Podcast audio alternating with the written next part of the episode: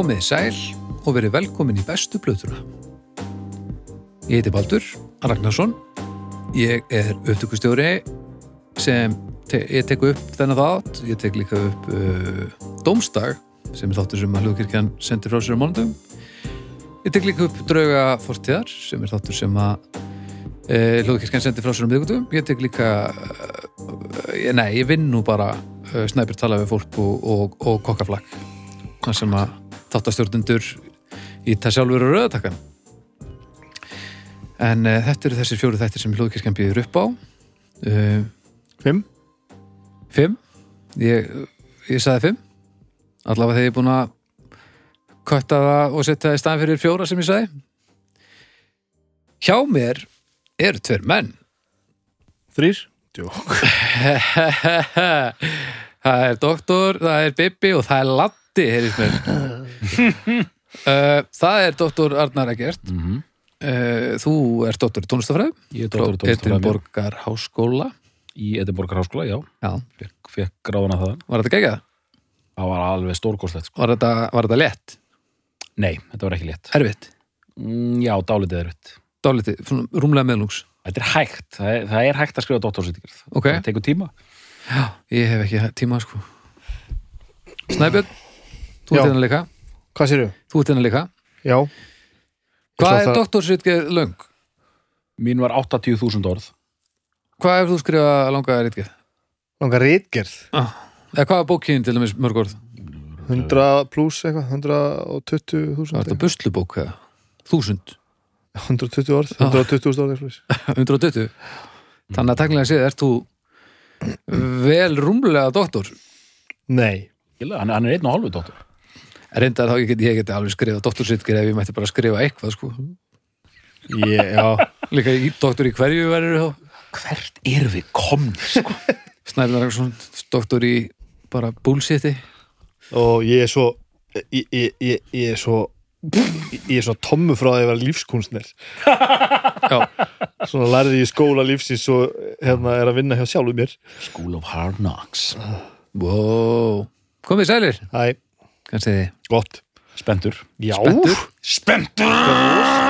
Já, já, hvítir núar og Já, þetta er svakalegt sko. Við verðum að fara, við, nú verðum við að fara að upplýsa um hvað við verðum að fara að tala um. Sko. já, það er rétt fólk sko. það. Svo fólk viti það, fólk átti sá því. Hvað er að tala um? Herri, þeir eru konir hingað til þess að ræða bestu plötu slegjarflokksins Slegin. Kongarnir. Nú erum við að setja í þetta sko. Já, er einhver stemmari fyrir slegjarinninni? Þetta er rosalegt. Þetta er alveg, ég kalla það kongarna, sko. Kongana? Kongarnir. Ok Þeir Eh, eru bara bestir, sko. Þeir eru bestir? Bara, í, Svona eins, eins og allir eru bestir. bara bestir í tónlist? Þeir eru, þetta er bara stórkostleg hljómsveit, sko. Já, Það er rosa margt mest við slegir. já Það er rétt, það er hárið rétt Já.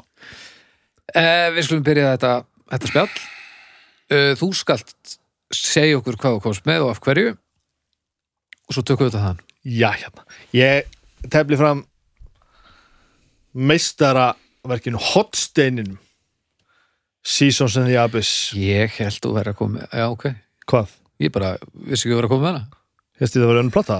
Já, ba- vel valið Þessi hérna stórkostlega plata. Já, Hann dró ekki í sagt. Nei, nei, það gerði það ekki Hann gerir það ekki. ég Hann kom, kom ekki með, með, ég kom með þetta hér. hann kom með Seasons in the Abyss. Slegirflokkurinn uh, stofna, uh, bandið stofna 1981 mm held ég að sé að fara rétt með. Í Kaliforníu. Um, af fjórum mönnum. Tom Araya sem syngur og spilar á bassa. Kerry King sem spilar á gítar. Jeff Hanneman sem spilar á gítar og De- Dave Lombardo sem spilar á trómur -hmm. Þetta er rosalegi menn sko. Þetta er er svakalegt, sko. rosalegir menn eh, Early Slayer sko þetta gerist hratt hann í byrjun þeir byrja að spila hratt Þrass Þra, byrja að spila þrassmetal Já. á fullu Já. um, ég, herru, ég hérna ég sé að þú ert með aukæfnið Ég mýmislegt. ég var að horfa í kringum hérna áðan áður um byrja þáttin ég, ég, ég, ég held örsnögt að þú væri ekki með neitt. En ég sé hérna strax bara í bakið á, á, á, á, á, á slitinni. Nú þetta byrjar þetta. Show no mercy. Mhm. Hún var bara svo svört að hún fjall inn í svarta bakgrunin þeir eru pikkaður upp af af hérna metal Blade, já. Metal Blade. Metal Blade, einmitt. Mhm. og gefa út þessa plötu þeir, þetta náttúrulega er þessi þessi alda sem er að byrja þarna sem er þetta þetta Metallica uh, Slayer Anthrax Testament Exodus allt þetta dót, Mhm. Megadeth. Mm -hmm. allt þetta, allt þetta. Mm uh, og, og þetta svona þetta vefst hvert um annað sko rosaleg sinna og allir að reyna að gera mest og vera rosalegistir Vi, við erum að koma upp úr þetta er svolítið svar við sko þetta er samt snemma en þetta er svar við þessu glamdrasli -hmm. og, og það besta við slegið sem, sem við kannski skulum koma frá strax Já. hvað? Er það að fara í glamið? að þeir voru þeir, þeir, þeir nörtuðu í glam Já, já, já, þeir gerðu það. Það sem er svo Það, er, það eru til stórkostlega myndir. Alveg rétt. A- a- af öllum þessum böndum sem við erum að tellja upp og við getum haldið áfram sem að er, er þrass og svona þessi metall mm. er, er slegin alltaf, alltaf svona á, á, á listanum sem svona harðasta bandið. Þrassaðistir, já, en þeir eru bandið sem að narta í ég glam veit það. Kerry King var bara eins og jólakúla. Gáum við út plötuna nartað í glam. Já. Ekki var svo jólakúla. Uh, gera þessa plötu mjög snemma. Og mjög, 83 uh, já, við erum samt búin að spila alveg í tvö ár. Mm -hmm. búin að rúa saman í bandið. Og þetta verður strax svona underground phenomenon selja þarna einhverja 20.000 platna strax. Túra aðeins. Og, en hún er náttúrulega rosalega þessi platta sko. Mm. Hvern, doktor, hvernig finnst þið að sjónu mörsi? Sko, Nú erum við strax konar á mjög eldfjönd svæði Þú eru að, ég veit ekki hvort þú sérst að hvort þú ert bara svona vanur mikrofónum að þú sért búin að færa hann frá að þú ert að byrja að öskra eða, eða hvort þú þetta Sko, færa ég hérna, að svara þessu, mér finnst hún góð Já. og ég er fann að fíla alltaf betur og betur gamla slegir, sko. Þegar þetta er aðeins meira trist, þetta er aðeins meira næft, þetta er aðeins meira svona, lögin svona er bara alltaf barnalega einhvern megin, Já, þau minna á, þú veist þarna, Venom og, og þessa, einmitt þessa bresku Já. Já. dæmi. Þetta er svona, þú veist, þetta er svona tréhesta fílingur í gangi, sko. og, og einmitt, og þú ert að leiða þetta inn á nákvæmlega brautina sem ég var vonum myndi fara að það heyri svo vel þarna að þegar þetta er gert þá eru engar fyrirmyndir.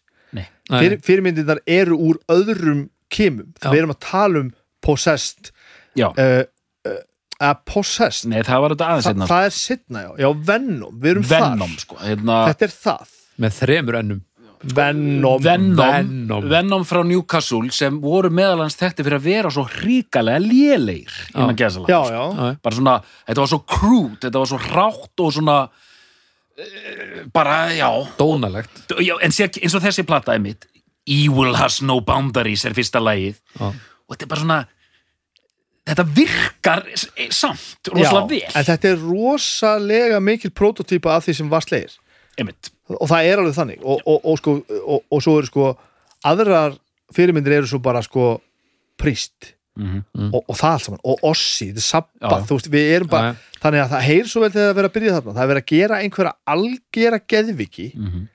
en það er ekki Það er ekki búið að þau- það, það, það, er, það, það er ekki vitað á hverju er verið að byggja þetta. Nei, nei, þetta er bara nákvæmlega. svona algert eh, frumkrafturinn er bara að vera sem brjálaðastur. Já, já. og það er svo ótrúlega heillandi. Vera hættulegir. Já, vera vera hættuleg Já, hættulegir Black Magic, Tormentor þetta, þetta er allt. Það er ekkert á milli sko. Og myndindræðum eru náttúrulega bara þeir eru bara með öfuga krossa og, allt þetta sko. allt já í, og samt með sko móður mjólkurskeikið bara. Já, já, og er eitt band sem við glemdum hérna, sem var samt nána, nei, ok, ég ætla að nefna hérna Bathory, já, já, já, en hug- það var setna, það var 84 sem Já, fyrsta platan þeirra kom. það er bara það er maður að byrja að tala um þetta fyrir maður að fatta hvað þetta er snemt já, já, nákvæmlega. Þú veist, hvað var eiginlega hva, Nei, hva, já. hvaða bönd var að gera þetta 1980 Nei, bara það var ekki í gangi. Þetta er bara, þetta meikar ekkert alveg senn sko. og einhver keppni á sér stað þarna menn eru svolítið að verða brjálaðastir. Hver er Já. það aftur? Hver er hraðastur og Killemól er þarna og, veist, og þetta allt saman og veist, all, allt þetta all, allt þetta brjálaði slegir gerir þetta, verða strax svona eitthvað svona svolítið svona þetta að vera brjálaðastir og ég mynd Anthrax gaf út þennan Fistful of Metal, það var 83 já, við, það, það er samt sko tveimur án setna Nei, það er sama ár og já, sem sem, sem, sem, sem kemur út já, já, já, já, já. Mér finnst bara svo fyndið, fyrsta Anthrax-platan er sko, það er búið að kýla í gegnum einhvern mann sko, og þeir eru að reyna að vera rosalega brjálaði líka já, já, já. Anthrax en er það sko. svo flippaðir Já, það er svona bara of mikið, já, Það er það svo er, mikið- ekki, er, er, er ekki að virka það jafnvel. er svo mikið sprell Mm. svo er ég hérna með með, hérna, með, með plötu sem kemur út sko, sem er tekin upp eh, 84 live-platan hérna Live Undead, Mm. er það ekki næsta útgáfa? Nei, nei, nei, nei, það kemur sko, það er þessi EP-plata hérna, Hunting the Chapel, ég glemdi því. Hunting the Chapel. Og síðan kemur þetta önnur plataslegir sem er ennþá í þessu krút sem er Sjónum elementi. Mercy og svo kemur Live Undead Já, sem ég var að ruggla saman Nei, hérna, Hellaveit Hellaveit ég var að ruggla saman hérna nei, byrju, svo er Sjónum Mercy á þessari plötu sko. Þetta er ekki fyrir 87, hún kemur svo sent út. Þetta er tekið upp á, á hérna Þessi kemur út 85, þessi plata hérna. Í hvaða ring er ég komin núna? Já. þetta er tekið upp á öllum mögulegum tíma þetta er svona þetta er rosa skytið allavega sko, hún Live and Dead var sko síðasta útgáfa áður en hérna hvaða bull er þetta hérna? Eru við voru alveg, alveg rugl, Google þetta, ruglaðir við, við kunnum ekki slegir fræðin. Nei, símir minn er í hlæðslu að því að ég geti áttu vonu á símtali um að ég sé eignar spatt. já ok, gott. Já, já, er hérna Já, já, nú þurfa fræ, fræðimenninir að fara að googla þetta- sjálfur. sko, að því að ég vil bara hafa þetta við viljum Við- bara hafa þetta á hreinu við sko, erum það orðin of góðu með okkur. Já, við erum hérna málið er nefnilega sko að- að að, hérna, þetta er svo skrítin plata hérna, þessi live undead plata sem er náttúrulega í- fyrir að fyrsta ekkit, ekkit live. Já, heimitt, heimitt, heimitt, heimitt og þannig eru bara gamlir eh, slagar að þessum plötum sem eru múin að hérna vera að hérna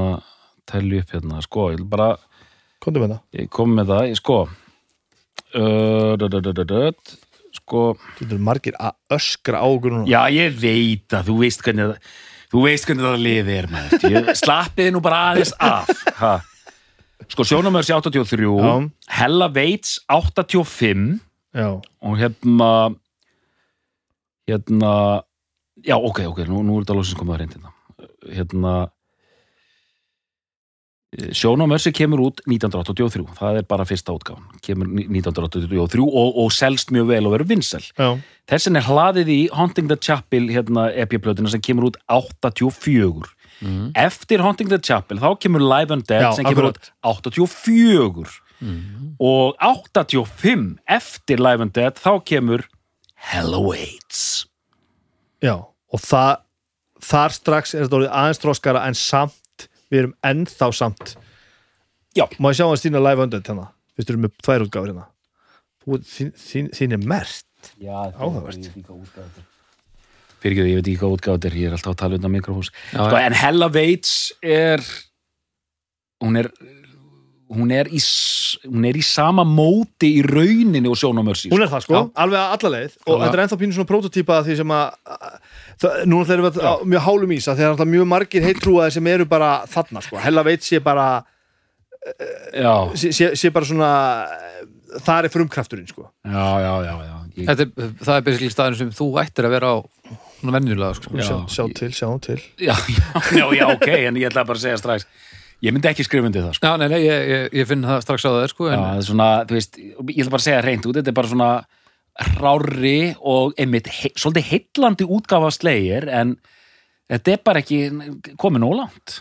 nei, þetta er nefnilega ekki komin langt og þeir finna það árið eða hvað núna 85. 85. Og Hella Veits kemur út í mars 85. mars 85 og þeir túra þetta og eru orðnið þú veist, komni með svona, ég ætla ekki að segja hittara en þú veist, þetta eru orðið þannig að þeir eru svona fattir að gera eitthvað að viti, sko e, en þá gefur tjá Metal Blade Mm -hmm.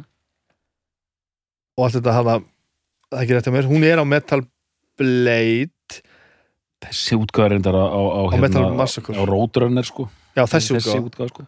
en sko og allt, alltaf sömu myndin aftan á Þetta er svo, skri, þetta er svo skrítið það sko. er alltaf sama dæmið Svo stökkvað er og síðan eh, hérna, hitta þeir á hann Rick Rubin, Def Jam gaurinn. Já, stökkvað er Mhm. blótt eftir og þar fá þeir loksins bara budget til þess að gera plötu af því að hinar plötu þar eru mjög litar á því þar eru gerðar fyrir eiginlega ekki neitt. Já, og það er bara sem er mjög áhugavert. af því að þannig er árið orðið 1986 Mm.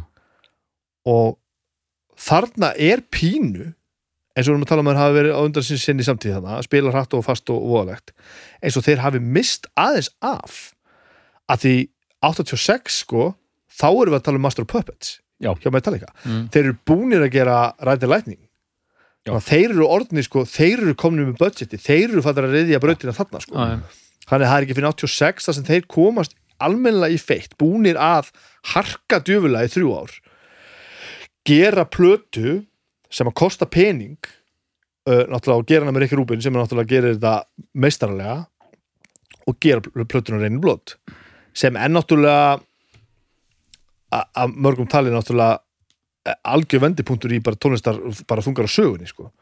Sem, að, sem hún náttúrulega er, Sem hún er náttúrulega bara hún er bara svona tólmyntur á góðum degi. Eitthvað Og- svo leiðis og, og ef hún var að spila á eðlum hraða þá væri hún svona einn og hálfu tími. Hún er, þetta er ekki, hún, þetta er bara algjörn brjálæði. Þetta er algjört fokking brjálæði. Og reynirblóð er náttúrulega bara algjörlega frábær plata sko. En ef við fyrir með eitthvað í helvíti söguna mm. þá eru þeir búin að vera að djöblast þarna uh, í allan þennan tíma saman. Og, Mm. og, og þarna strax eftir að gera þetta og fara að túra þarna strax hættir Lombardo. Mhm. við erum bara strax komin í það að trommarinn er byrjar að hætta.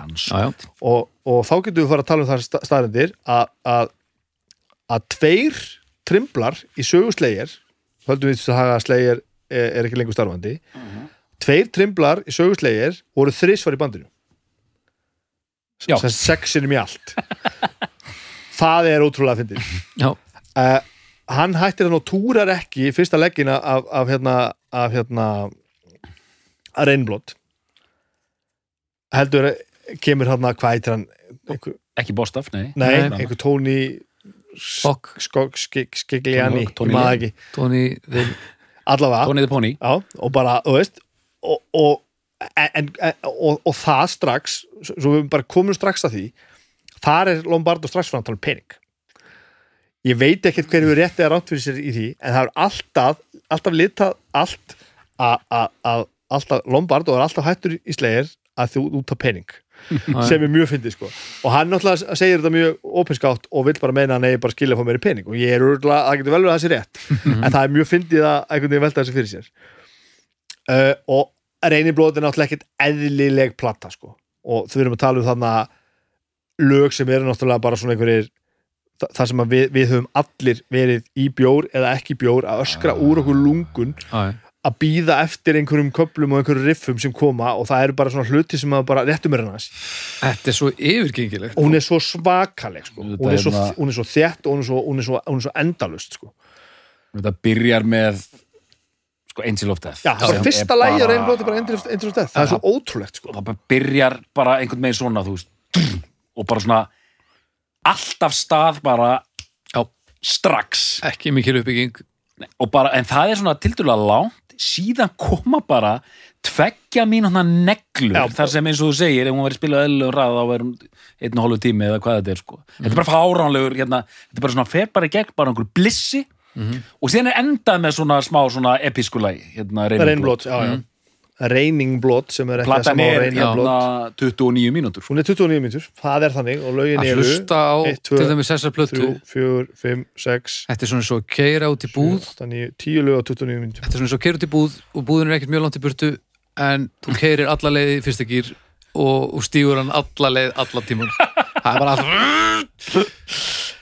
Jú, ég, ég man, þegar ég ungur maður sá líka myndin af þeim hérna aftan á þetta er fræg mynd sko þar sem þeir eru með hérna Stella Artois, Bjóra og eru, eru, eru vildir og brjálaðir. Já, sína Og- tennurnar. sína tennunar, vildir og brjálaðir og manni fannst þetta og það er þetta eitt af það sem er heillandi við slegir að þú veist sérstaklega þessum árum og, og jafnvel fyrri, fyrri blöð, þeir, þeir eru ívúl þetta er Þeir- bara evil motherfuckers eru bara hættulegir þeir eru bara hættulegir þetta er bara svona, hvaða menn eru þetta? Þetta er ekki gott Þetta er ekki gott. En á sama tíma þá sér maður þessa mynd núna og hugsaðar þegar allt leiki lindi. Já, sko það, það hefur aldrei verið samt eitthvað svona öfga drama út á við í slegir, svona, þú veist eitthvað e, e, Nei, þetta er bara eitt af þessum fáum tímapunktum að sem öllum hinum í slegir fannst Kerry King fyrir, held ég. Við þurfum að tala um þessa menn persónuna, sko, það er ekki dæðilegt En Og- svo fyrir okkur áfram söguna. Og flott umslag. Mjög flott umslag. og, og þarna, þú veist, halda er hópin og, þeir, og ólíkt mörgum öðrum böndum. Og þarna til þeim sko en nú aðeins fyrir sögunni er Kerry King til dæmis búin að spila einhver 5 eða 10 gig með, með, með Megadeth. Hann var í Megadeth smá, stund- og hann hætti Megadeth þegar það tók um mikið tíma. Það er þetta miklu, er miklu fyrir sko og, og náttúrulega hann og, og Mustaine búin að vera óvinni síðan líka við sko þetta, er- þetta, er, þetta er bara svo að tala um 12 ára, 12 ára börn sko. Það segir mér að Þetta er- Mústarun og Kerry King eigi skap saman. Það virðist vera einhver, einhver harka hann á milli Djöfull. og allt þetta, þú veist, öll ímyndin eftir þurrku af sér augskuggan sko, þá náttúrulega eru þau bara komnir í sko mandrapskallan já. og þú veist, Kerry King með, með þessa frægu, ermina. frægu, frægu gítaról sko, sem hann spilaði nú með svona langlegan inn í 90s allavega hálft gigið Arbandið. Já, sem er náttúrulega bara svona bara svona, svona 10 cm langir gattar frá Já. og, og upp á olbúa Þetta er bara, þetta er eitthvað, hann, það hefur verið hægt að henda honum fyrir bíl svona eins og löggan gerir út í já, já, akkurat Bara til að stoppa bóan. og svo náttúrulega, náttúrulega koma því að hann náttúrulega bara var orðin og þreyttur í hendinni hann að- á setni skipum hann að síðustu tvo tvo og hálfan áratugin eða svo þá spila hann aldrei nema svona tvö lög með þetta og svo var hann búin að henda þessu af sér sko. Hann gati þetta aldrei, alltaf með hangandi keðjur alveg, þú veist. hann er örugglega með sko, hann er massífa líkamlega á, áverka eftir þetta allt saman, sko. alltaf monta segja þetta er ekkert plastkeður, þetta, er stál Hann er svo mikill Kerry King. þetta er svo ótrúlega maður sko. allavega, Þú að leiðir þetta að fara í gegnum tekkinni í flugi með honum. allavega hvenær er? 88 88. þar hef ég heyrt á segja að þeir hafi og sögðu þá í þessu viðtali að þeir höfðu viljandi ákvað að hæja á. Já. að þeir höfðu bara ekki treinlega það var ekkert hægt að spila hraðar. Það þeir Já. bara svona í staðan fyrir að vera eitthvað rembast við að, að, að hérna, gera það saman um gera síðast, þá bara hægðu það svo sem þeir náttúrulega gera. Gera, hún er hægari. Og, og, og hún er frábær. Hún er frábær og það, það er það sem þetta er svo ótrúlega flott move í rauninni að maður hefði einmitt haldið að menn annarkvort haldið hraðanum eða reyna að gera eitthvað brjálara Mhm. bara svona hægjar aðeins á sem gefur, finnst mér þú veist, lögin eru þú, heyrir lögin, þetta er svolítið þetta er bara svona, þú, tekur alltaf eftir nánast reynir blót, þetta er svo mikið brjálaði sko. Að hérna, þú heyrir lögin betur flott lög og bara ógæsla flott. Koma Heaven þingsli. Krík, og byrjar með mjög hægur lagi South of Heaven lagi Já. sko. Mhm. bara, og þar er einhver vendipunktur að þegar mann líður eins og sko á reyniblót, þá er búin að taka alla kásuna sem við vorum að rifja upp hérna áðan sem að ég viðkenni hérna hér með ástæðan fyrir því að ég hérna ég, ég, hérna, ég átali ká mig hérna ég var og, og, og, og degubarkalegur ég þetta hérna rifja þetta spettur upp ég reyna mundi ekki hvernig plötna kom út og í hvað röð það er ég, en það er ástæðan fyrir því er það að ég er ekkert mikill Sjón og Mörsi hella veits maður sko. mm, ég, ég er það bara ekki mér finnst alveg gaman að, að heyra þetta já, já en það fara ekki að fá onni á mér sko. Nei, það gera ég- það ekki og ég hlusta á Life on Dead fyrir stuttu síðan og hún er bara kjánaleg sko. Þetta, er, þetta er skemmtileg söguleg heimild Já. en ge, þe- þetta er svona novelty act að setja þetta á sko. þetta er ekki svona, ég að hlusta ekki að því mér finnst eitthvað geðið gaman þetta er bara svona, já, Ég, ég bara lendi undarfæri þegar ég er í slegjarstöði þá er maður bara, ok, á ég að hlusta á Seasonsin eða Biss í 5000. skipti? Á ég kannski bara að hlusta á eitthvað annað núna? Já, já. Maður er bara til að slaka þess á frá hinnu sko, því maður hlustar á hitt endalust sko.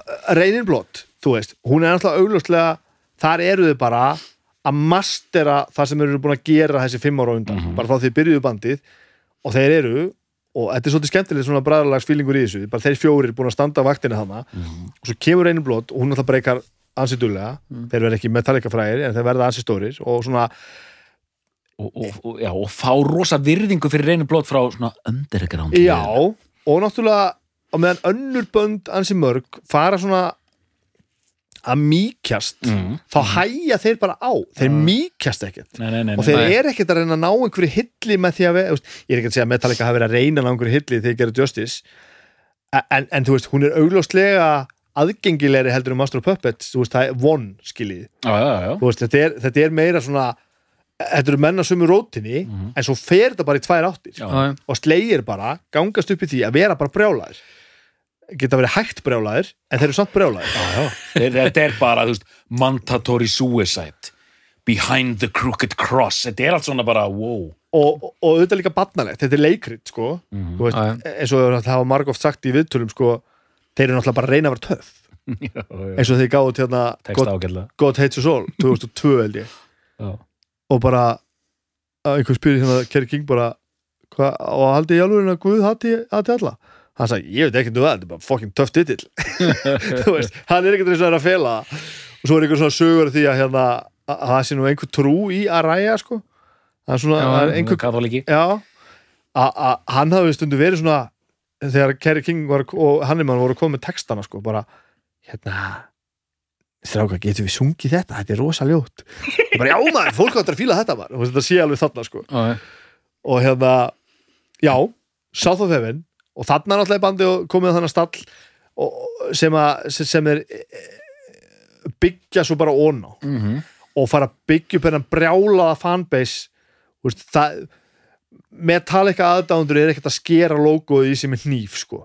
Slegir aðdándur voru að því. Þeir voru bara að rista já, já, já. útlimina upp og já. brennimerkja sig og öskrandi slegir út um allt og veginn. Þessi svona og svona ef þú varst harði slegir aðdándin þá fannst það alveg gaman að benda á aumingjana sem voru ennþá að hlusta á Megadeth og Metallica. Þú veist, af því að þú varst fucking töff sko Ég man mér að segja hérna, skítið inn hérna þegar útrás var í, í rekstri sko, ég man þegar ég heyrði slegir í fyrsta skipti. Og, og það var í útvarpi, var 14 ára.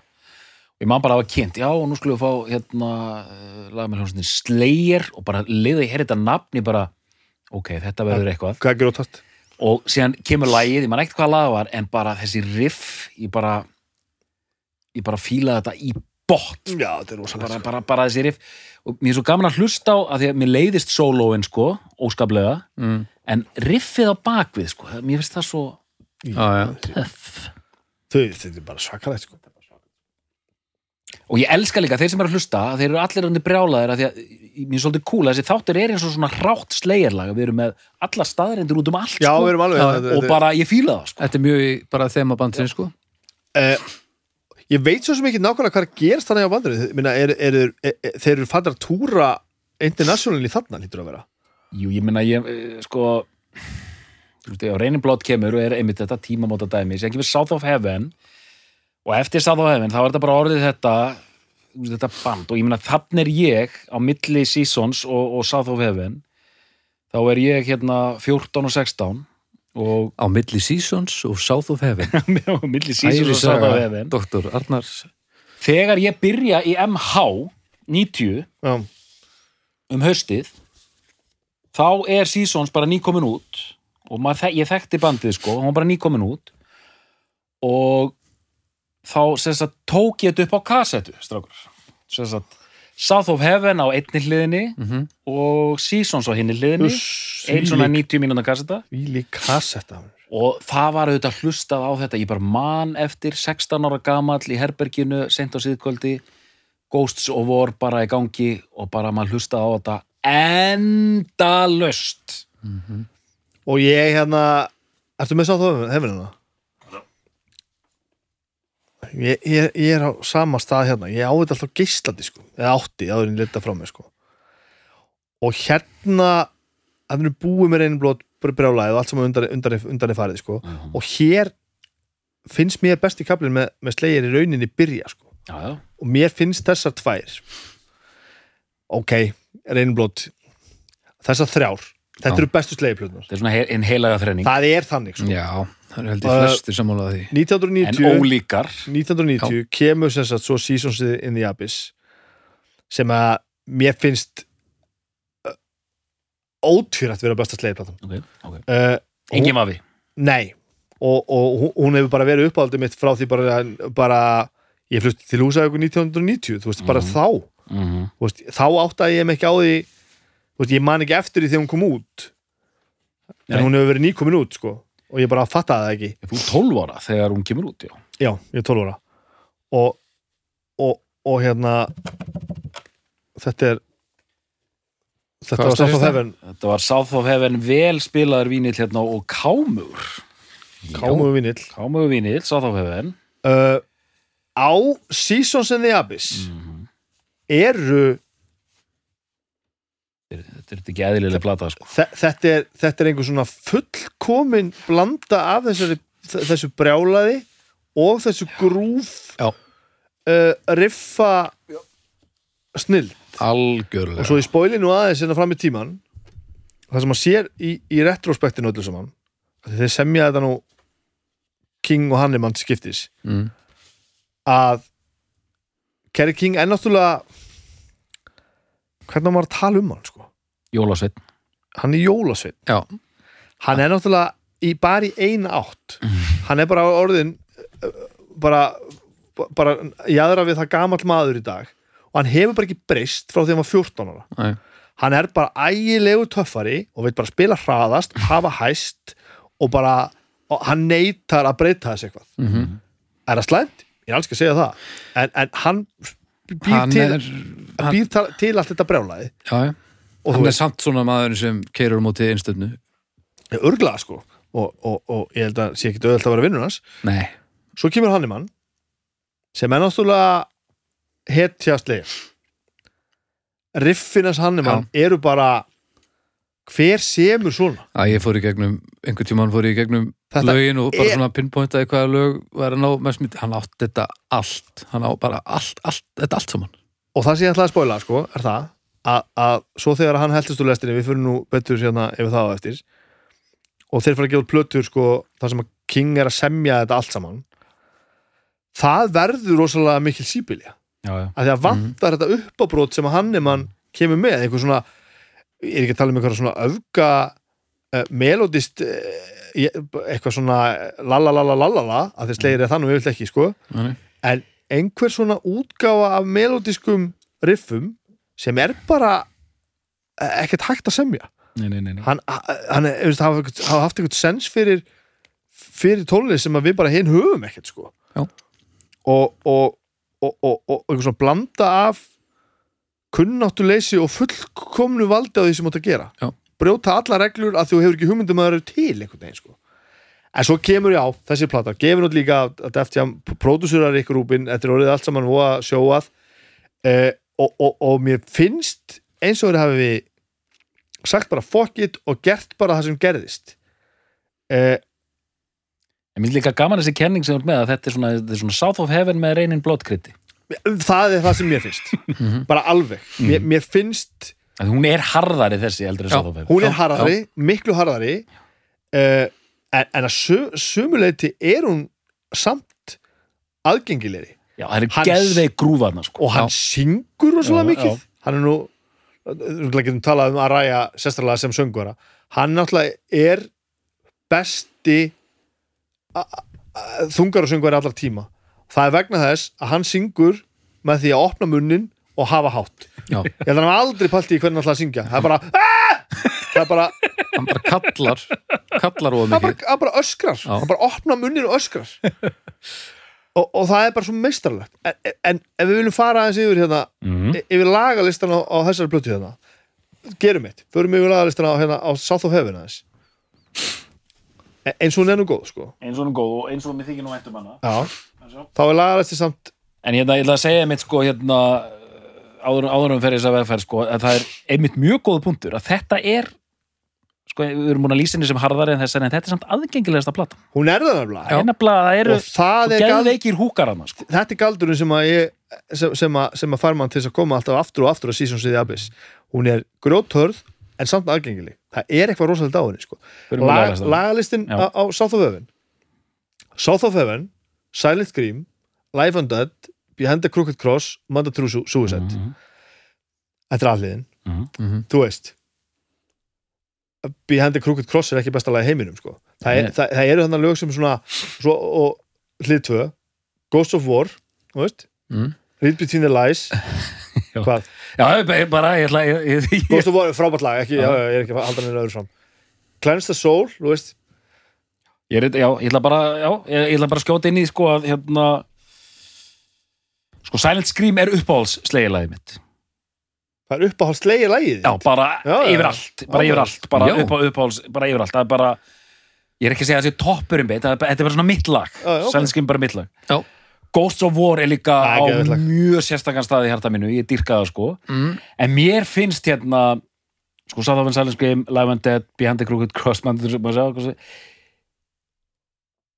mér finnst þetta allt sko, Dissident Aggressor og Spilled Blood finnst mér ekki skemmtilegt, mér finnst allt hitt frábært. Já, og, veist, og ég er ekkit, ég, ég er ekkit hérna til þess að rósamála Já, sko. En þú veist, við erum að Já, le lesa já. þetta hérna yfir og þetta, er- þetta er frábært, sko. En við þurfum að fá það svona reynblóð líka bara til að Já, tökum listan á reynblót, það er náttúrulega sálistin náttúrulega ekki eðlilegu, sko. Hann gerir mann mitt uppáðarslag er þar sko. hann gerir alltaf bara mjög reyðan, sko, sá, sálisti Hér erum við að vinna með Angels Death, Almáttugur minn, Piece by Piece, Almáttugur, Mm, peace. Necrophobic, mm, After of Sacrifice, Jesus Saves, Alltaf Sacrifice, það er besta það sleiðilag er rosa, það er sko. besta sleiðilag, bara punktur. Criminally Insane, Reborn, mm. Epidemic, þú veist, mm. Postmortem og Já. búm. Búmsa. Og komum við hérna að Seasons in the Abyss, War Ensemble, Bú, Búmsa. Byrjum bara þar, það er náttúrulega ekkert eðlilegt að byrja bara þar, Það er ævintýrlegt Blood Red, Grúfið. Að grúvar eins og, Grúf. að grúvar eins og ekkert annar hefur grúfað í heiminum. rosalegt hvernig það kemur. War Ensemble er búið og bara BAM! Já, Spirit in Black. Stórkostlegt lag, algjörlega stórkostlegt. Expendable Youth. Mm -hmm.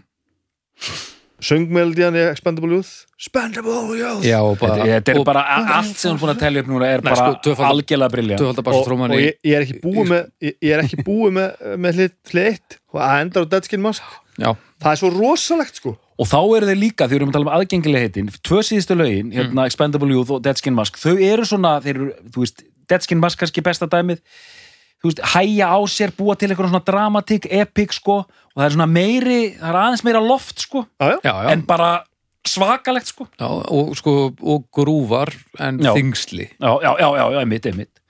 Og bjöliðin, Bjeliðin, Hallowed Point. Þetta er ekki hægt sko. Skeletons of Society. Temptation.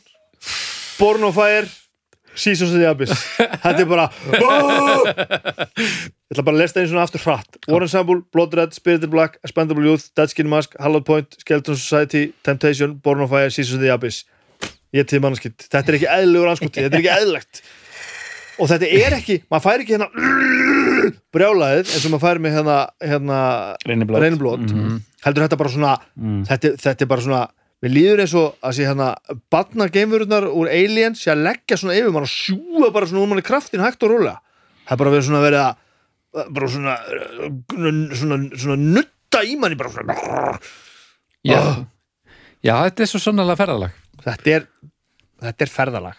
En tvennt sem ég ætla að leggja fyrir ykkur tvo, og ég veit að hlustendur hafa gaman að heyra þetta, það eru tvö lög á Seasons in the Abyss sem ég finnst vera veik. Ha, að heyra hvort að þeir séu sammála eða ekki. Ok það er Temptation og Born of Fire. Það eru slökustur Já, samanlega því, sammála því. Það, er, það er þannig. En, en Í- í samhenginu. í, í samhenginu, en auðvitað sko og þegar, þegar, sleppur þetta til og vel það og þegar Tómar að öskra á mann Born of Fire á tónleikum, ég trú honum alveg sko. Þetta er eftir bálið sko. Þetta er alveg, það var svo gaman að lesa þetta upp þessa titla, þetta er fál, ég var að keira í bíl með hérna Sigga Mayo í hérna Krenium, Hvar á hjólið?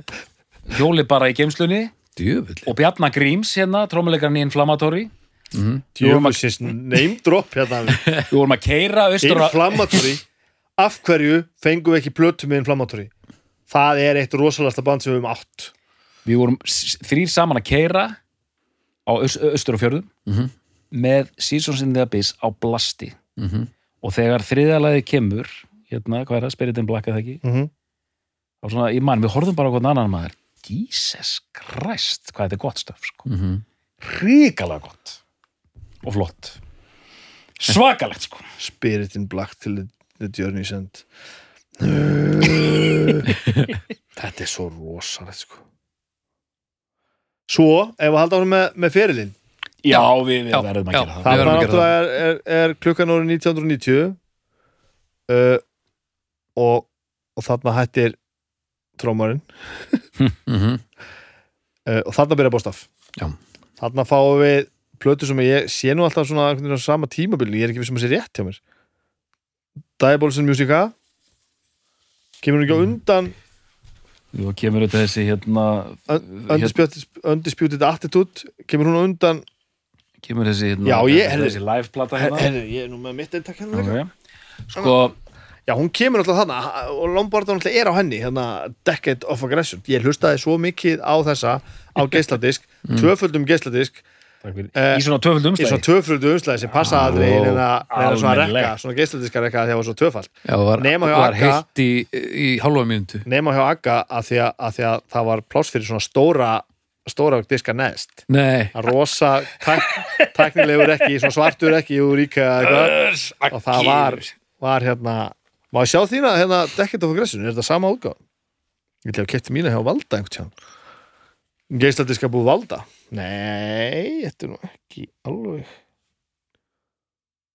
Jú, kannski. Jú, þetta er miði hérna yfir, jú, þetta er sama útgáð Þetta er 1991 já. Og 81 ef hann er stofnað 91 kemur hérna kemur þessi. Decade of Aggression, 10 ár mm. og hér er blómatíminn búinn. Algjörsalega það er bara þannig, það er ekki takt að halda öðru fram. Koma hana tvær hljóðarspötur uh, sem ég set svona alltaf saman einhvern veginn Mhm. sem er alltaf ekki alveg rétt, þetta er bara svona tímabili mínu lífi.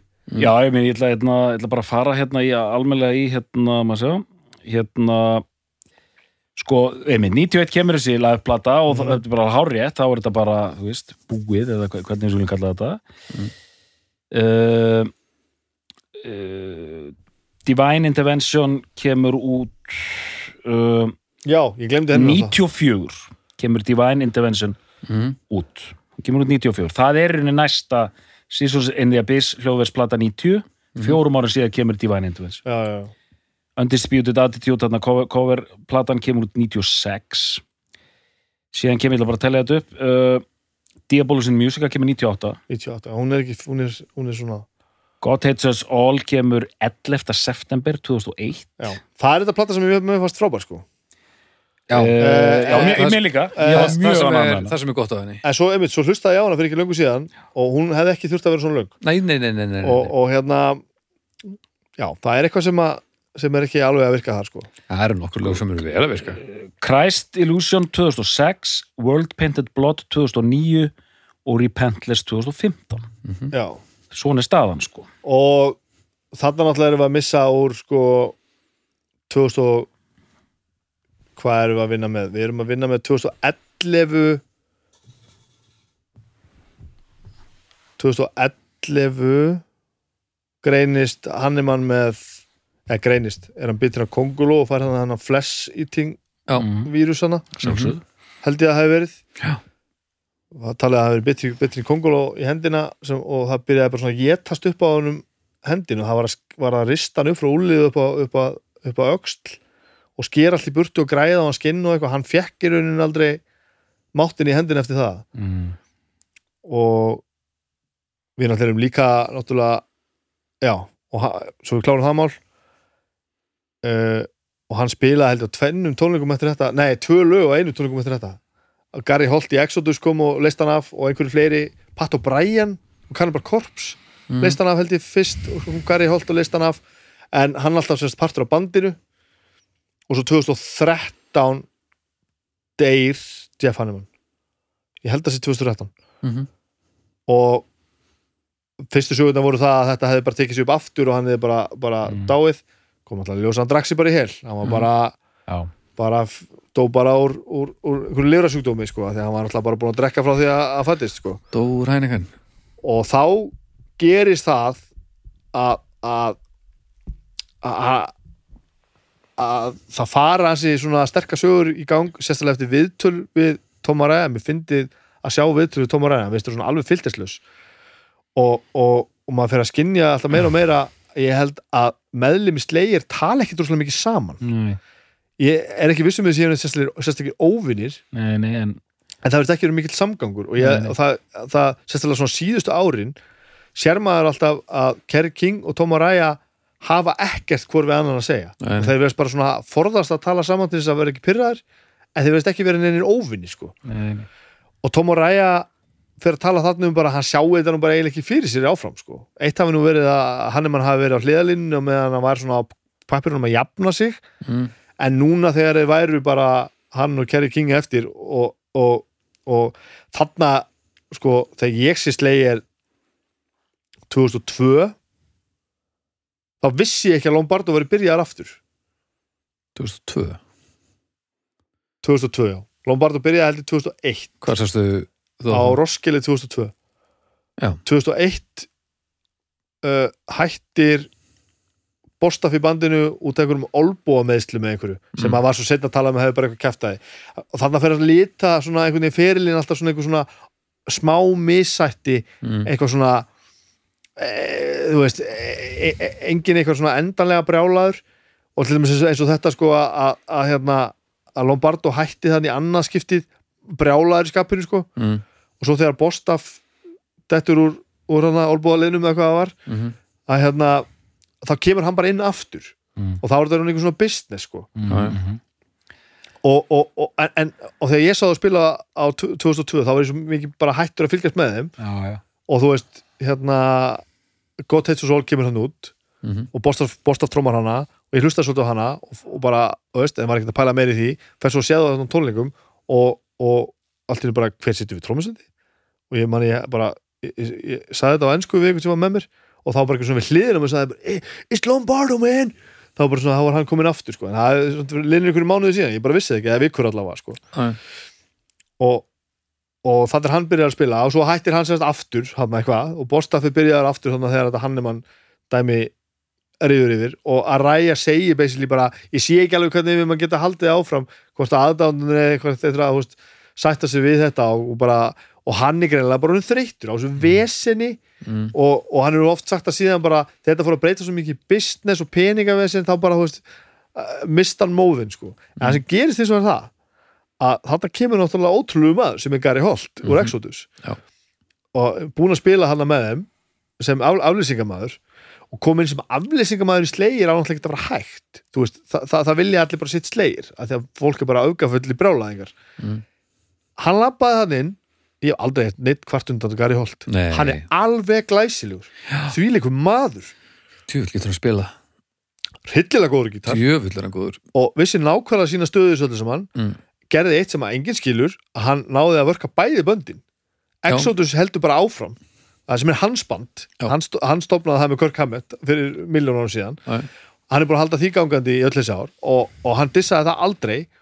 Og þegar að hérna þegar að fyrsta platan eftir að Hannemann dó ákveður að fara að gera er það Crest Illusions? Hvernig er hún? hann er, hann er bara World, play, uh, world, vildi- world Painted Blood vantala Mm. ég með hann einmitt hérna. Sem er 2009, nei Crest Illusions þá, ég er alveg glæður, skiptur ekki máli. Eh, þá sko bauðan fram krafta sína sko Mm. að hann getur núna samið eitthvað sko. Uh, King var ekki til það. Hann afþakkaði það bara. Mm. Og ég kifti svo hérna. Exodus plötuna sem hann gerði sem heitir eh, Blood on Blood eða eitthvað djöðl, ég maður ekki hvað Mm. heitir Það er eitthvað flottur gripur hérna. og hún er frábær sko Já. Hver?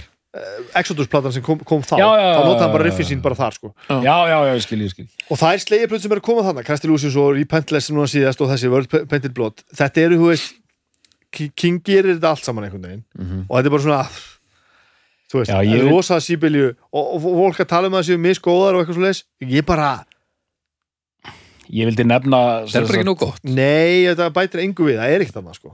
Ég vildi nefna það hérna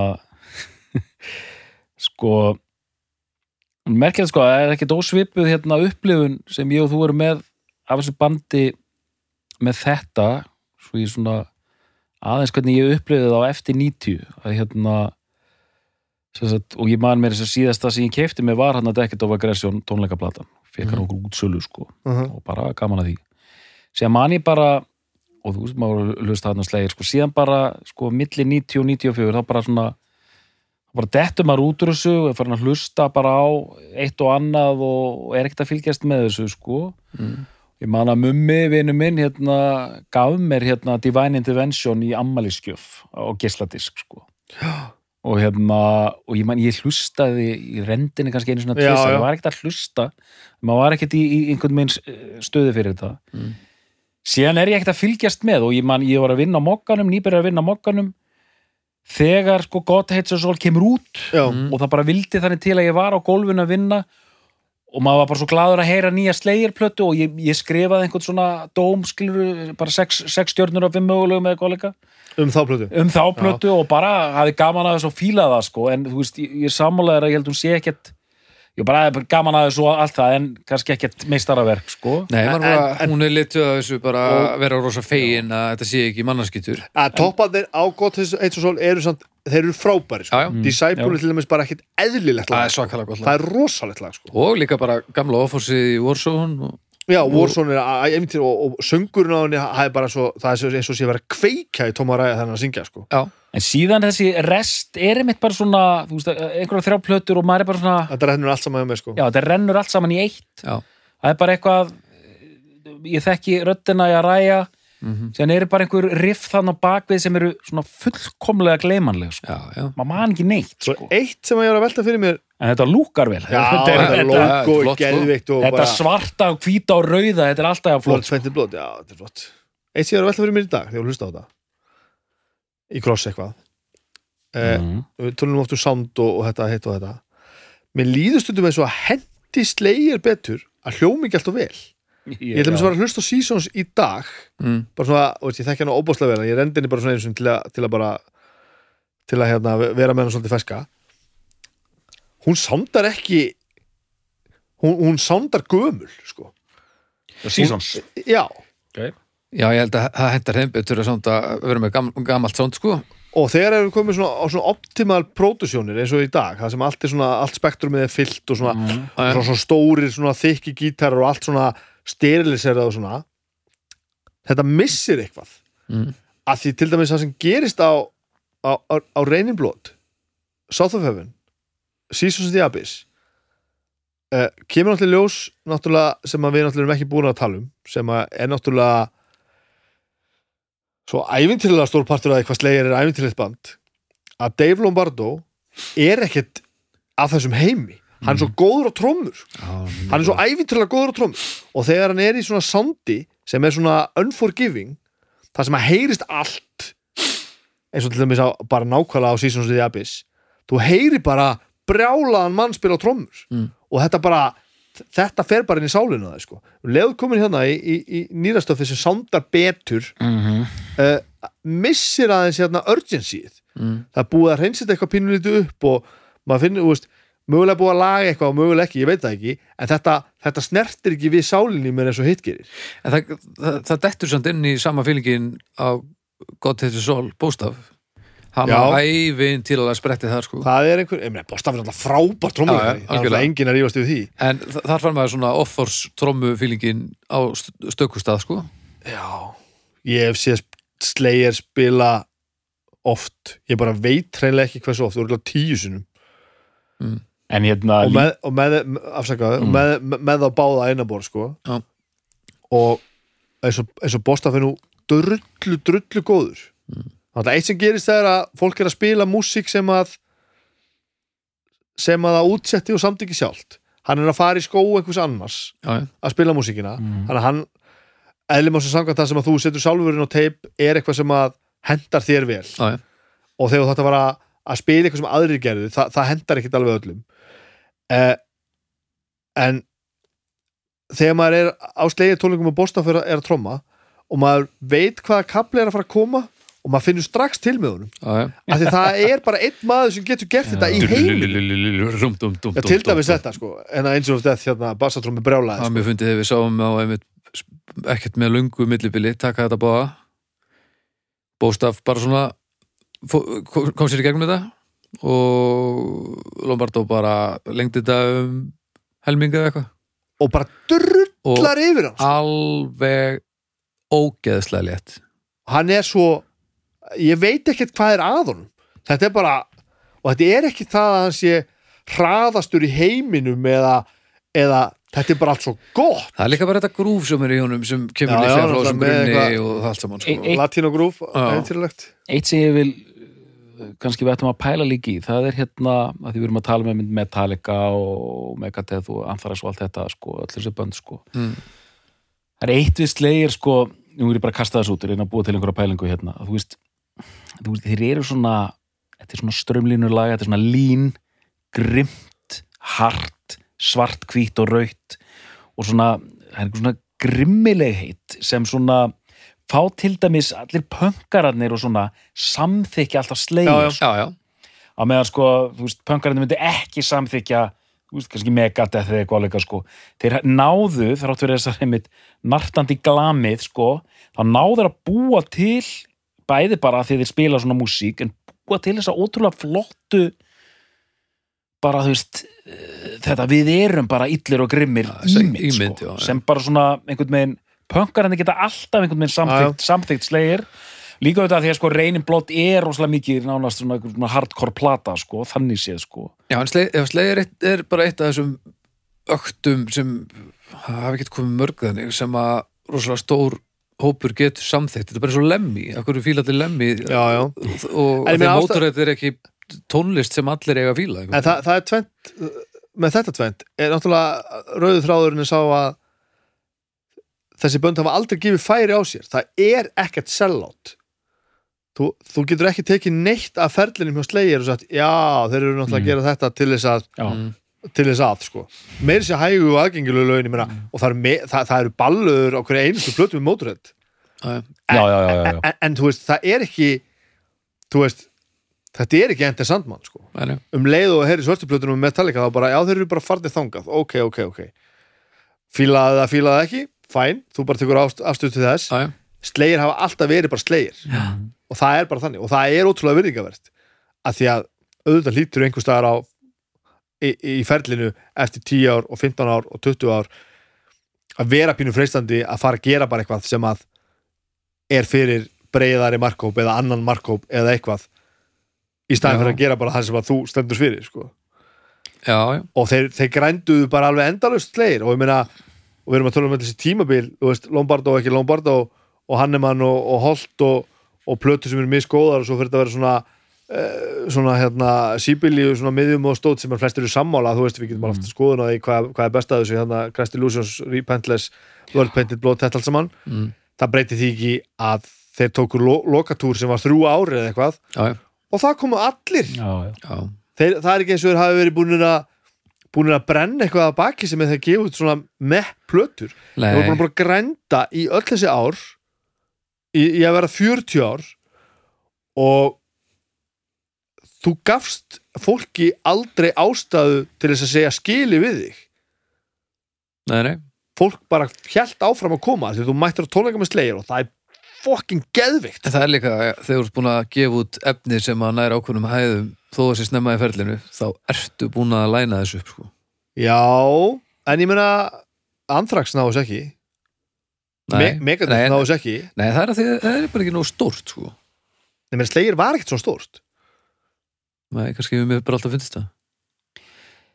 já. En þú veist, Metallica, þeir getu ekki gefið neitt út sem myndi, veist, þeir hefðu ekki getað gefið neitt út sem hefði tekið frá þeim það sem við voru búin að gera. Þeir gáðu Lulu og fólk er bara í stuði, sko. Já, það er samt ekki hægt að taka hljómsnir sem Metallica veist, þar nei, við komin á einhvern einhver, einhver, skala sem er bara alltaf annað sko. Algjörlega, en Ég- ég- ég held samt að við það sem er að bara tala um svona mainstream mainstream ég held samt að við sem að tala um sko svipa, svipa dæminum að bara í miklu smæra mengi, þú veist, þetta er bara Já, miklu þrengri, þrengri hlustunarhópur mm en ég held að sé að sama gerast sko, sama hefði getið gerst Já, já, Ég líka að hugsa um þessa, þessa heila þrenningu, Reynin Blott, hérna, South of Heaven og Seasons in the Abyss, sko, maður heyrði mitt af Reynin Blott, manni var sagt bara að þessi plata er bara fáránleg, sko. Mhm. Og þessar plötur voru einmitt teknar inn í, sko, sem fara allir að hlusta á döðar upp á 90, sko. já, já. En þessar plötur voru alltaf á fónum líka, sko. Slegir fengi alltaf að koma með Alltaf, Mm, sko. og- Góðu punktur og ofsaleg ofsaleg virðing þú veist, menn er að hlusta á Death og Obituary og allt þetta dótari sko, en bara sko ekki spurning einu sinni sko, Nei, nei, og þú veist, ekkert svona það var ekkert hægt að gera eitthvað svona hvað ertu með, bara, nei, það var bara allt og kjafti, skilur, Já. þetta er bara og bara hvernig það lítu út líka plötunar svona, já. maður bara svona, þú veist þetta er málið, sko, og þetta er bara evil þetta er bara evil þetta er bara svona, og þetta er fyrsta skipti sem að evil verður nógu sýnilegt þannig að þetta fara að ógna almenningi í, í, þeir eru ba, ba, ba, þú veist Jú, jú, Twisted Sister og þú veist, eitthvað að vera kæraða fyrir eitthvað textadót, sko. Slegi voru bara dregni, dregni fyrir rétt bara, eh, og kærðir ítrekaða því að fólk var að fremja sálsmál, sko.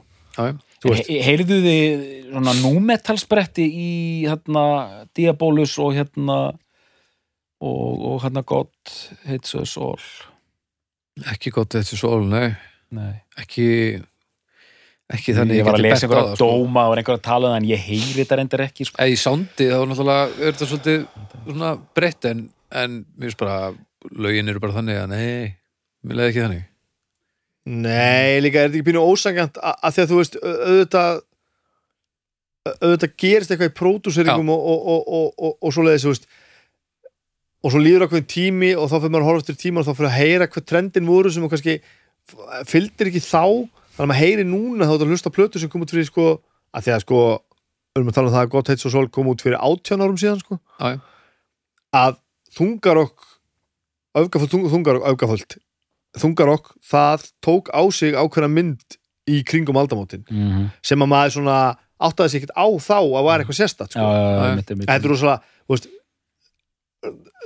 takið í munin á Seasons of the Abyss 1990 og því sem er að gerast 2000 Mm. í þungarokki. Seasons of the Abyss að koma út árið 2000 hefur bara ekki verið bóðlegt sko nei, nei, nei. hún, hún, hún er bara, hljó, bara hljómað eins og einhver niðursudós en Já. þetta er svona batsins tíma 90, þetta er svo ómótað Já. sko stefnan er ekki orðin 10 ára þegar þetta er gert þá er þetta allt í lagi en, en bara þessum árum setna Já. og þess vegna held ég líka að stökki sem gerist þannig þegar við erum að fá plötuna sem að koma 90 og eitthvað eftir seasons það er eitthvað sem hendar þeim ekki eins vel sko þetta er náttúrulega, þú veist, það er að já. segja, þetta að þetta er svo djúft sko en, en nei, ég er, ég, En þetta þeir- er bara svona. þeir eru líka, líka á þessum árum sko, ég, ég held þessi alveg rétt sem þú ert að segja sko, og hérna, líka á þessum árum bara tölum að þessum hérna þeir eru að skora svo flott í sko, þú veist þessi titlar. Seasons in the Abyss. Þetta er geðvikt sko. Þú veist, fyrir Þetta er ok- frábært. já, þegar, þegar maður er unglingur maður er bara svona, og síðan sér maður Spirit in Black Blood Red þú veist, Mhm. South of Heaven. Þetta er svona ú, og maður bara svona, Jesus Christ. Bara enn sunnar. Hvað? og þetta er svona mm, og uppaslæði á þessari plötu þetta er ekki hægt. Nei, voru sambulega bara besta lag í heiminum. Þetta er bara, þetta er, þetta er glæpur sko. en djöfull fer, hefur Kerry King farið í töðunar á mér. Ég læt hann ekki fara svo mikið í töður á mér. Ég, hérna, en, en fannst ykkur Silent Scream útspilið óvænt. Um, já. Já, ó, klálega óvænt. Já. er ég eitthvað gjörsanlega að missa mig að því ég er svo hissa? nei, ég er það nú ekki sko. Nei. en já, já, já, En þetta er svona, ef ég ætti að segja sjálfur þetta er svona lagi sem ég þykir vænstum Já. kannski ekki besta sko. Svona, já, mitt lag sko. Já, já, og þetta hérna hérna, hérna Ghosts of War sem fær ekstra stig fyrir hérna, kassettubyrjunina sko það hljómar eins og þetta heyrist í næsta dag. já, já, já, já. og síðan allt í einu svona neglist en Rise, Ghosts of War. Og allir þessi breakdown og þetta, þetta er bara svona holy moly sko. Við komum alltaf, alltaf að því aftur í, á þessum plötum sko. Ef að þetta væri ekki, Tom, eh, væri ekki Dave Lombardo þá væri þetta ekki svona. Mm -hmm, þú veist, við erum alltaf með auðvitað við með fjóra framúskarandi menn. Við erum með, með, með söngvara sem hefur ævintýralan karisma bæði rödd og framkomu og það er geðvikt að vera slegitólingum þegar hann byrjar að tala við okkur sko. já, þegar hann segir svona þrjú orð þegi svo í svona 40 sekundur og segir svo þrjú orð í viðbútt og maður bara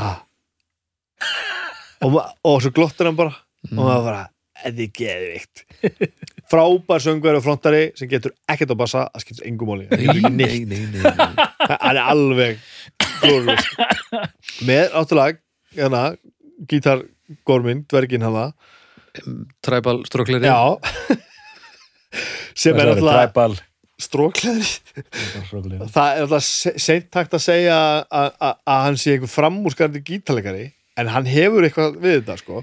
Og hann er til dæmis sko brautriðandi í, í, í, í veist, hann er bara að að spila eins hratt og hann getur Já, með hann er- geðveikt öfgafullu sondi hann sko. er doktor í gítarofossi og þetta er náttúrulega bara þetta er bara kjánulegt en þetta er mest. Og þetta er frábært. Þetta er mest.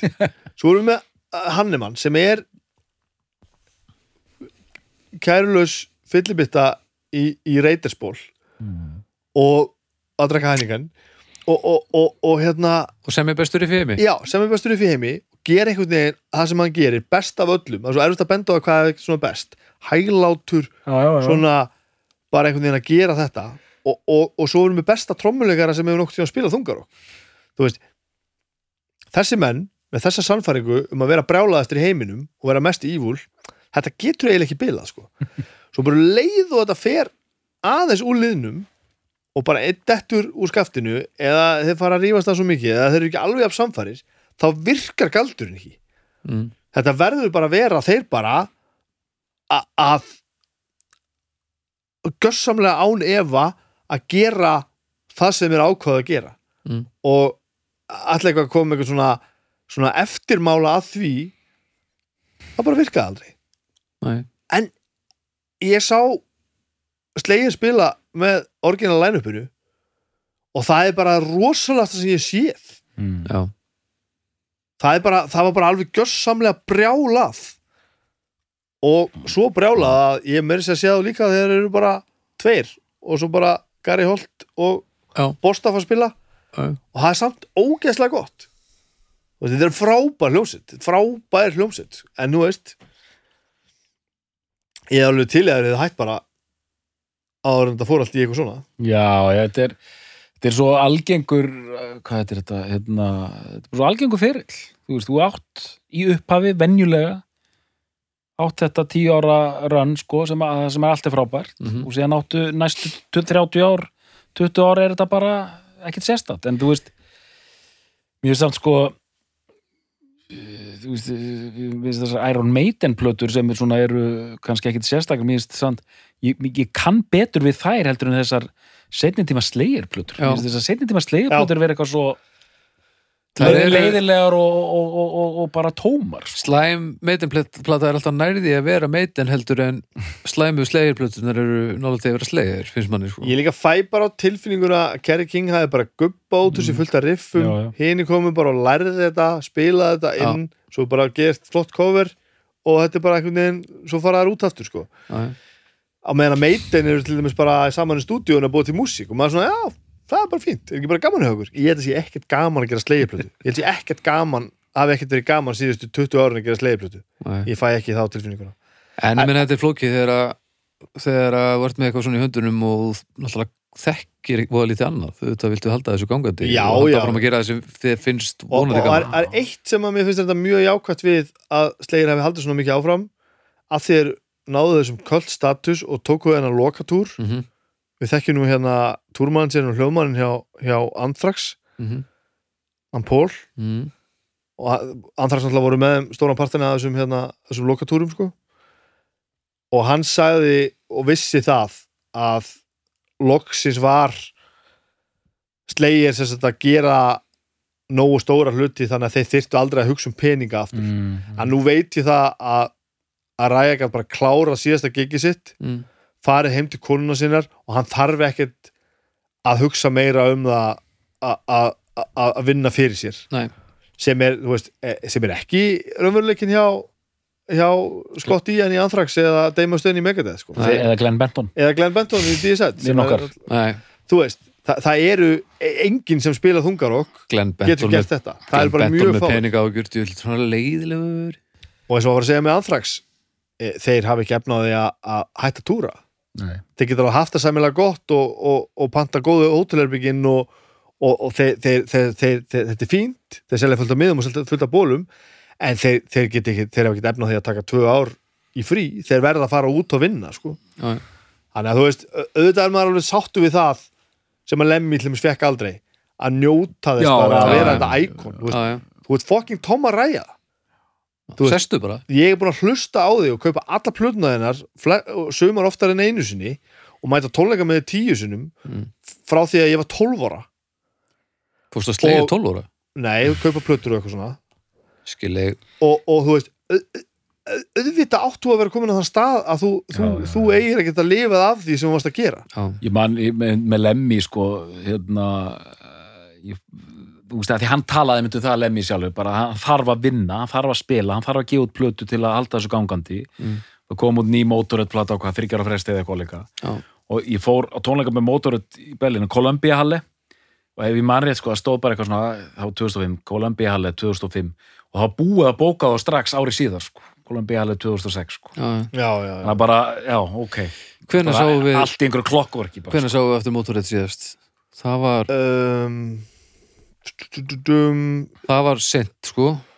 Við sáum það á það var eitthvað Á- stóru öttum við sáum það á Vakken einhver tíman já, það er 2010 örgulega nei, nei, nei, nei, jú, var, jú, 2010 og, en svo sáum við að þegar hann er orðin helviti slakur sko. 2010, 2011, 2010 og þá, veist leði manni bara pínu eins og þetta var ógæslega gaman að sjá þetta en Já, manni leði var- pínu eins og þetta væri bara maður sem ætti ekki að vera að vinna Já, það var rosalega þreyttur þá sko.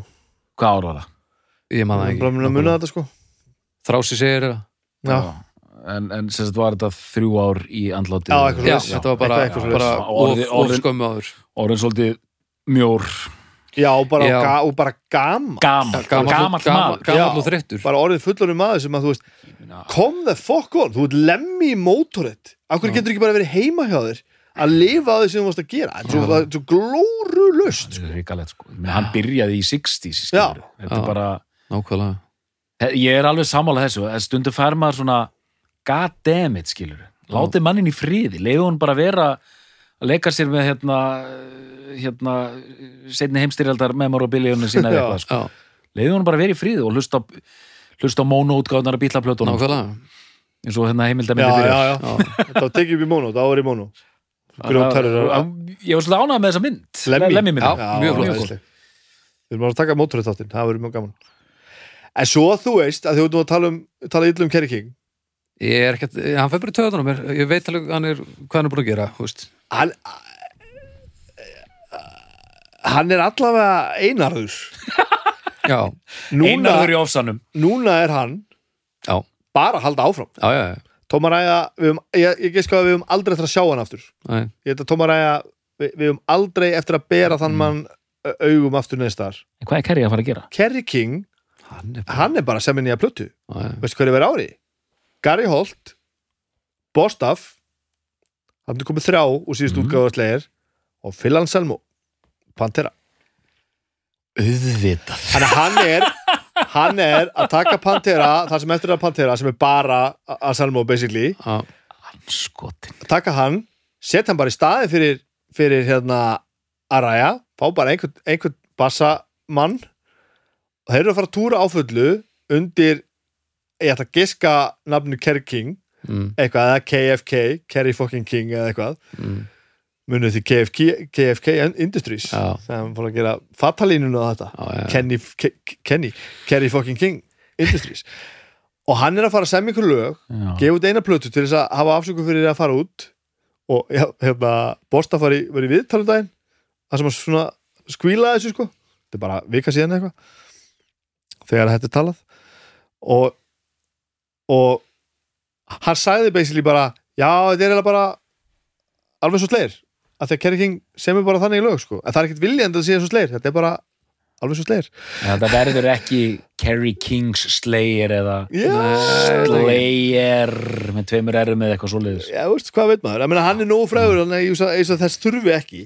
En ég meina þegar ég verið að spila á festivalu leið og Kerry King og Phil Anselmo og þeir eru að fara, og ég veit þeir eru að fara að spila War Ensemble og Phil Anselmo, Phil Anselmo er að fara að syngja ég fer að sjá það, já, já. það er þannig En það er samt líka þannig að ef það var slæmur mórall í mannskapnum fyrir svo tekur þú tómar æg og skiptur hún út fyrir fyl já, já, veit ekki alveg nei, nei, nei, nei, nei algjörlega Þetta sko. ekkert alltaf gaman í, í, í búningsklefanum sko. En nei, svona er hérna en paldi, svona, þú veist hérna er svo mikið svona finnst mann í gangi sko þegar menn eru ymmit, standa fara með tökum hérna Death Row 12, Ian Anderson mm.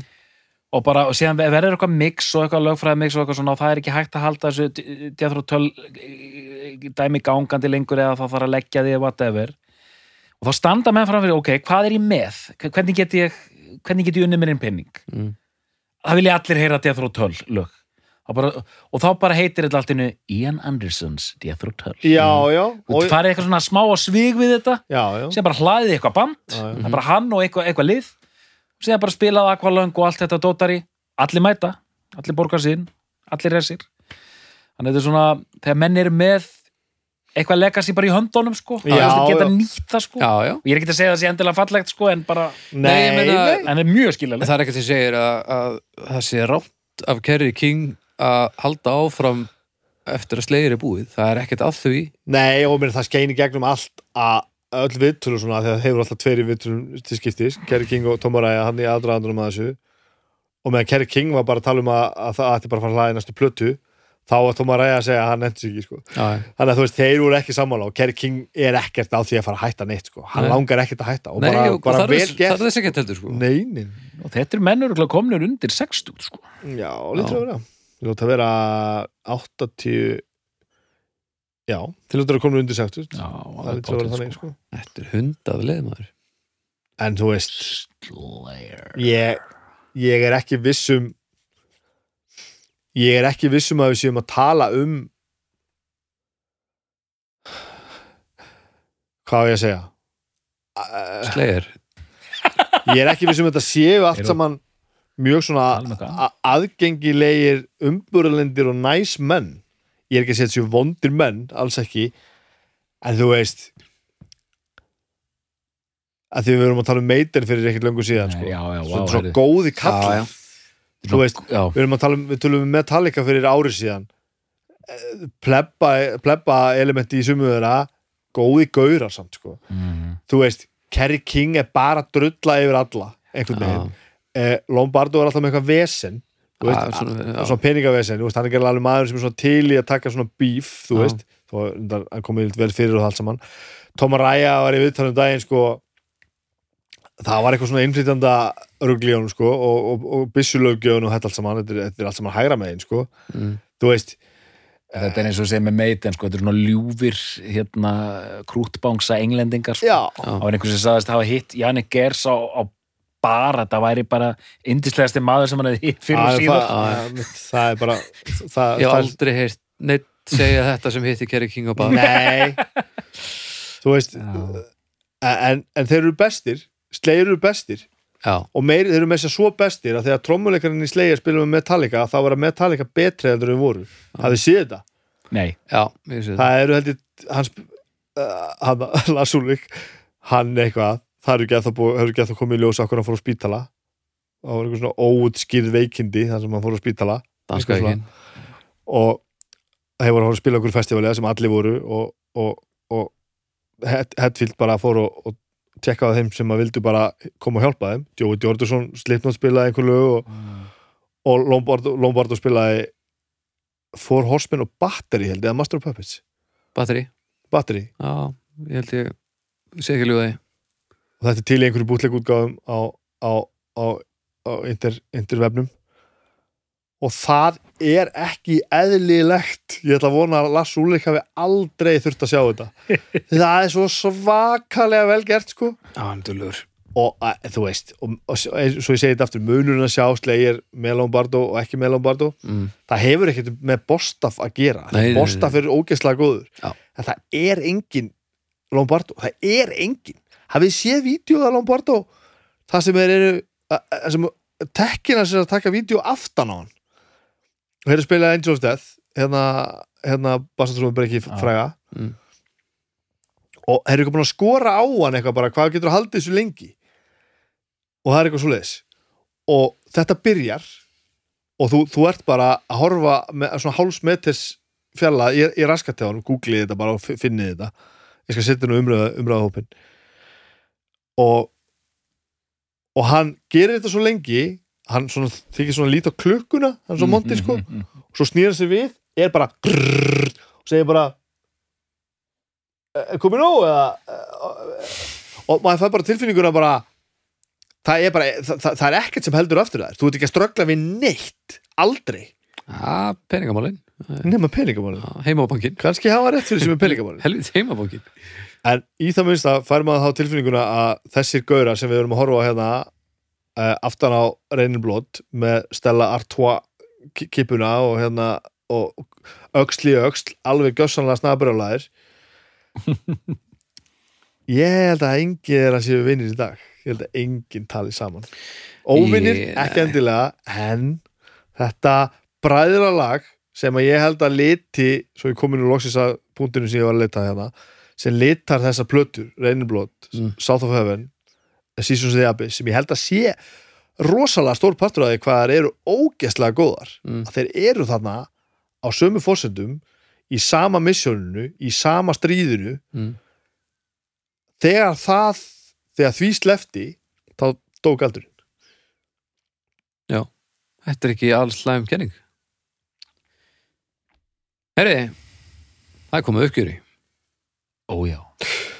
og já, Doktor, byrjum að þér Heyrðu, já, sko, ég hef nefnilega lengi, sko, mér hef fundið, sko, South of Heaven og, og svona, svo ennið að byrst vera einhvern veginn jafn góðar, sko. Þess að ég er svona rosalega erfitt með að gera upp á milli þeirra, tvekja, sko. Ok, Og hérna, og ég hugsa alltaf einmitt um þessa heilugu þrenningu. Mér finnst þetta alveg, þessar þrjár plötur, Reinin Blót, South of Heaven og hérna, Seasons, hérna, bara algjörlega frábært stöf, bara Mhm. á allan átt og þetta er bara algjörlega stórkostlega ljósitt.